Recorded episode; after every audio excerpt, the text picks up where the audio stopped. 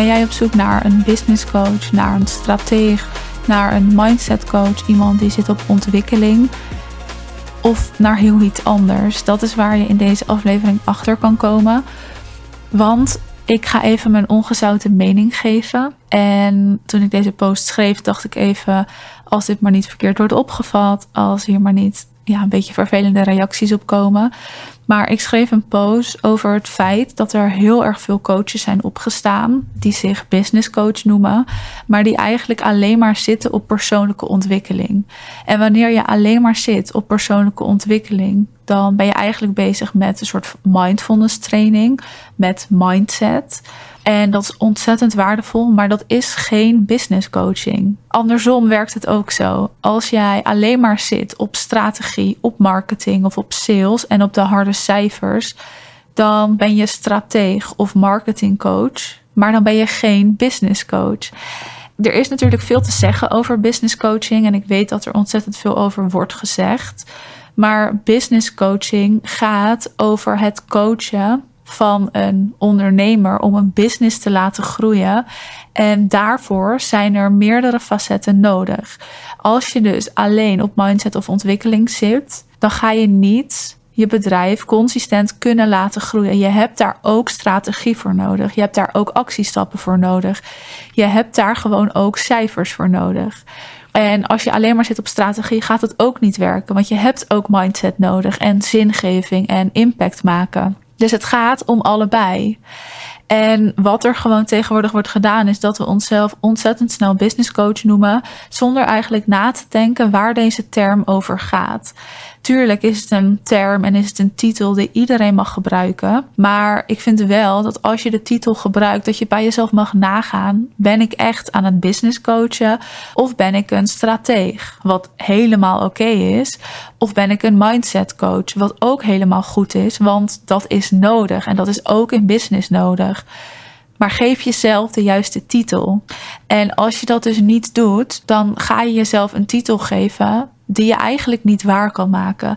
En wat er gebeurt is dat de markt dan eigenlijk wordt vervuild. En ja, dat klinkt heel pittig, maar zo vind ik dat wel. De markt wordt vervuild en iemand die dus een business coaching programma aangaat bij iemand die alleen maar zit op ontwikkeling of alleen maar zit op cijfers, die gaan dan onder de streep niet tevreden zijn en alle business coaches over één kamp scheren en zeggen ja, het werkt niet en het is oplichting en we betalen veel geld, maar er komt niks uit.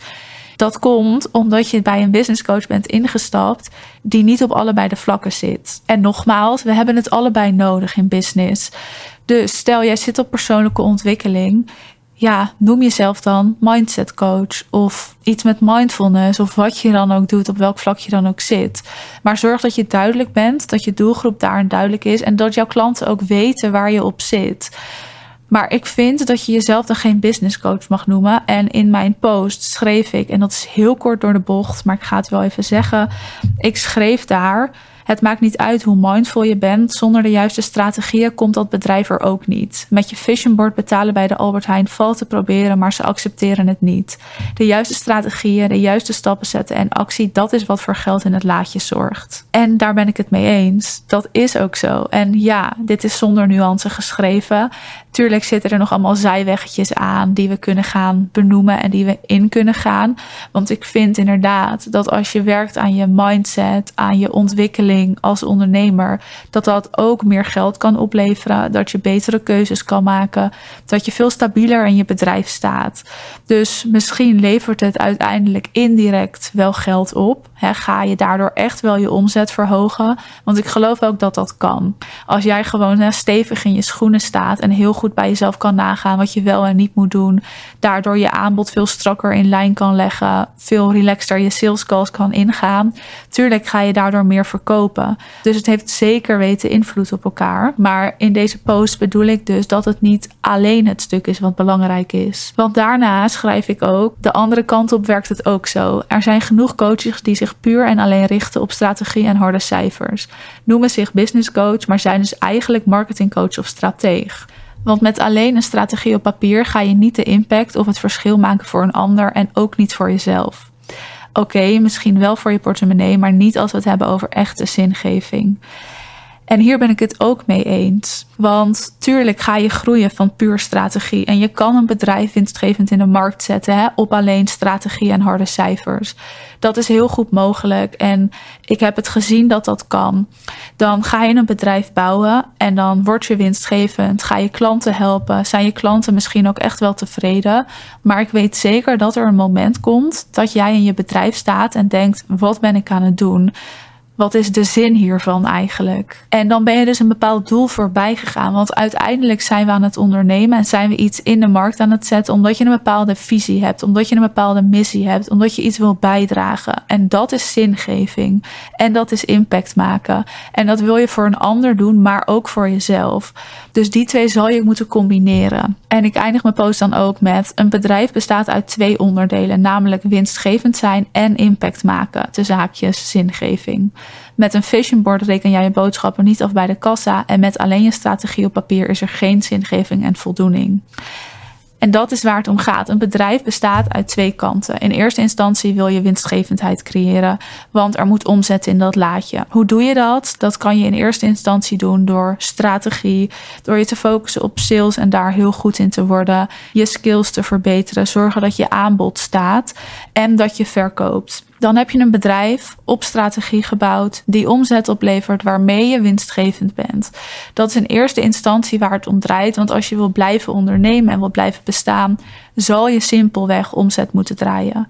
Dit is ook de reden waarom ik met mijn klant altijd eerst focus op strategie en daarna op zingeving. En tuurlijk verwerken we die boodschap al in de strategie en hebben we het daarover. Maar in eerste instantie wil ik dat jij winstgevender wordt. Ook mijn klanten die al goede omzetten draaien, gaan we in eerste instantie kijken naar wat kunnen we aanpassen en wat kunnen we op een simpele manier aanpassen om die omzet op te krikken, om gewoon winstgevender te worden. En als we dat weten en hebben gedaan en aan het doen zijn, want het bestaat een beetje naast elkaar, dan gaan we dus ook kijken naar wat is die boodschap? Hoe zorgen we dat iedereen weet wat die boodschap is?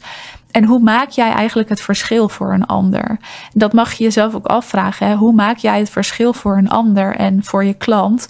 Maar ook wat heeft jouw klant van jou nodig om dat verschil ook te kunnen voelen? Dus dat jij dat niet alleen vertelt, maar dat jouw klant ook na een samenwerking voelt: oh ja, dit is wat jij in de markt aan het zetten bent.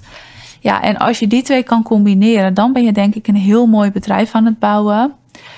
En een bedrijf die in lijn ligt met winstgevendheid, want daar gaat het ondernemen ook om, en impact maken. En ik denk dat dat het allermooiste is in het ondernemerschap wat er is, want dan ga je in je bedrijf staan en kijk je daarnaar, voel je de voldoening, voel je dat je verschil aan het maken bent, maar ook voor jezelf, niet alleen in geld, maar ook gewoon in hoe jij je voelt in je bedrijf, in wat jij ziet gebeuren bij je klanten. En ik denk dat dat gevoel, als je dat een keer hebt gehad en kan ervaren, dat dat het allerfijnste is wat er is. Persoonlijk, als mijn klanten mij een bericht sturen omdat ze nou ja, een bepaalde omzet hebben kunnen draaien, omdat ze iets voor hun familie hebben kunnen betekenen daardoor, dat ze hun klanten helemaal tevreden zien. Als ik zie dat mijn klanten ook die voldoening ervaren, dat zijn de momenten waarop ik dus echt voel: dit is waarom ik het doe. En ook op mijn events voor de members, als er kwartjes vallen en ze lachend naar huis gaan en zeggen dat er inzichten zijn geweest, zeggen dat ze een fijne dag hebben gehad en hoe waardevol het was. Dat zijn de momenten dat je weet, dit is waarvoor ik het doe. En dat moet dus naast elkaar bestaan. Een bedrijf bestaat nogmaals uit twee aspecten: winstgevendheid en zingeving. En zingeving kun je dus combineren met impact maken voor jezelf en voor een ander. En dat is ook wat ik met mijn klanten doe. Dat is wat ik belangrijk vind.